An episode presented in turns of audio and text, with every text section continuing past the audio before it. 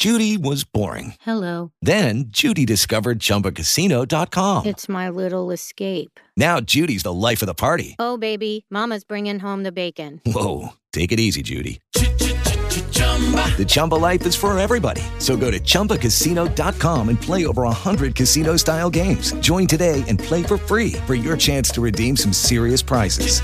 chumba ChumbaCasino.com.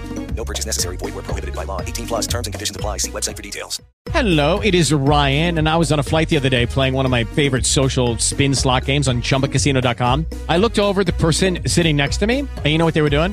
They were also playing Chumba Casino. Coincidence? I think not. Everybody's loving having fun with it. Chumba Casino is home to hundreds of casino style games that you can play for free anytime, anywhere, even at 30,000 feet. So sign up now at chumbacasino.com to claim your free welcome bonus. That's chumbacasino.com and live the Chumba life. No purchase necessary. VGW. Void where prohibited by law. See terms and conditions. 18 plus.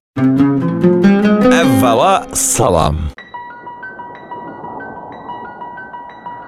Amerikalı yazıcı Thomas Wolfe bir gün peşə seçməkdə köməklik istəyən cavan adama belə bir məktub yazır. Hörmətli mister, sizin yanvarın 26-sında göndərdiyiniz məktubu anam mənə Eşvildən yolladı. Təəssüflər olsun ki, sizin mənə verdiyiniz suala cavab verməkdə çətinlik çəkirəm. Mənə elə gəlir ki, hər birimiz həyatı boyu bu suala cavab axtarırıq və biz kömək etmək istəsək belə ətrafdakılara çox az məsləhət verə bilirik. Mən əsl sevinc və məmnunluğu dayanmadan işləyərkən və daha sonra öz əməyimin bəhrəsi ilə öyünərkən duymuşdum. Bəlkə mənim cavabım sizə dolğun görünməyəcək, lakin bundan yaxşısı da ağlıma gəlmir. Olduqca çox, hətta deyərdim ki, insanların əksəriyyəti var qüvvələri ilə işləsələr də bu onları məmnun etmir, çünki onlar öz işlərini sevmirlər. Sizin neçə yaşınız olduğunu bilməsəm də, düşünürəm ki, yaşca məndən cavansınız və sizin əsas probleminiz ürəyinizcə olan işi tapmamağınızdan irəli gəlir. Mən 18 yaşım olanda kollecdə oxuyurdum. Əzab çəkib və ümidsizlənmişdim. Nə ilə məşğul olmaq istədiyimə qərar verə bilmirdim. Görün sizə nə demək istəyirəm. Əgər mən kənd yerindən olsaydım və kənd həyatını xoşlayıb ferma sahibi olmaq istəsəydim, fermer olardım. Bundan xəcalət çəkməzdim. Texnikanı sevsəydim, onun haqqında daha dərin məlumatlar əldə etməyə çalışar və mexanik ya da mühəndis olardım. Əgər mən biznesə həvəs duysaydım, onda bu sahədə işləməyə başlayardım, təhsil alıb sahibkar olardım.